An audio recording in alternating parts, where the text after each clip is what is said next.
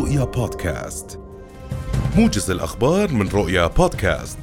أكدت مصادر فلسطينية أن قوات الاحتلال الإسرائيلي اعتقلت الليلة الماضية شابين عقب الاعتداء عليهما بالضرب أثناء تواجدهما في منطقة باب العمود في القدس المحتلة.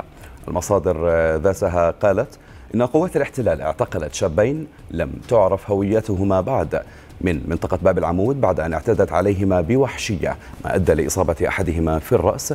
فيما أوقفت طفلا مقدسي واقتادته إلى منزله ومن ثم سلمته استدعاء للتحقيق. في أبرز التطورات العالمية قال وزير الخارجية الروسي سيرجي لافروف إن بلاده لم تعد لديها أي أوهام متعلقة بالاعتماد على الغرب وأنها لن تقبل أبدا بسيطرة الولايات المتحدة على العالم. وأكد لافروف أن العقوبات التي يفرضها الغرب على روسيا جعلتها أقوى مؤكدا أن بلاده ستعمل على تنظيم اقتصادها لتتخطى أي انعكاسات سلبية. أعلن رئيس بلدية ليفيف أندري سادوفي أن صواريخ روسية ضربت اليوم حي مطار أو حي المطار في المدينة الأوكرانية الكبيرة الواقعة بالقرب من الحدود البولندية. سادوفي أكد أن الصواريخ التي سقطت من الجانب الروسي لم تصب المطار مباشرة فيما لم يتمكن من تحديد هدفها بدقة. لم تتمكن من تحديد هدفها بدقة. أعلنت وزارة التربية والتعليم تعطيل المدارس التي تضم مراكز اقتراع وفرز مخصصة لانتخابات مجالس المحافظات والمجالس البلدية ومجلس أمانة عمان ل 2022 يوم الاثنين المقبل.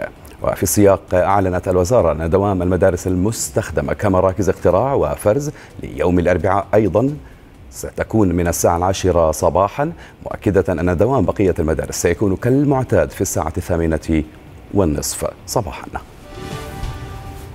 أعادت وحدة مكافحة الجرائم الإلكترونية التابعة لمديرية الأمن العام تحذيرها من روابط إلكترونية وهمية تصل لهواتف المواطنين عبر عدة تطبيقات تحتوي روابط إلكترونية لإيهام المستقبل بأنها منصات رسمية لتسجيل الدعم للفقراء. الوحدة أكدت أن هذه الروابط الإلكترونية هي احتيالية تهدف إما لاختراق الهواتف أو لسرقة البيانات الشخصية مهيبة بالمواطنين عدم الدخول لمثل تلك الروابط وشطبها من هواتفهم وعدم تداولها أو إعادة نشرها لتجنب الوقوع كضحية للسرقة الإلكترونية.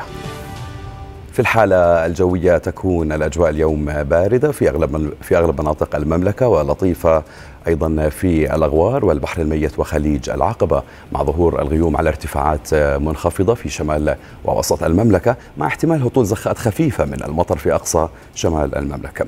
إدارة الأرصاد الجوية قالت أن الأجواء تبقى اليوم آه، غدا السبت باردة في أغلب مناطق المملكة ومعتدلة الحرارة في الأغوار والبحر الميت وخليج العقبة مع احتمال ضعيف لهطول زخات خفيفة من المطر في ساعات الصباح في أقصى شمال المملكة.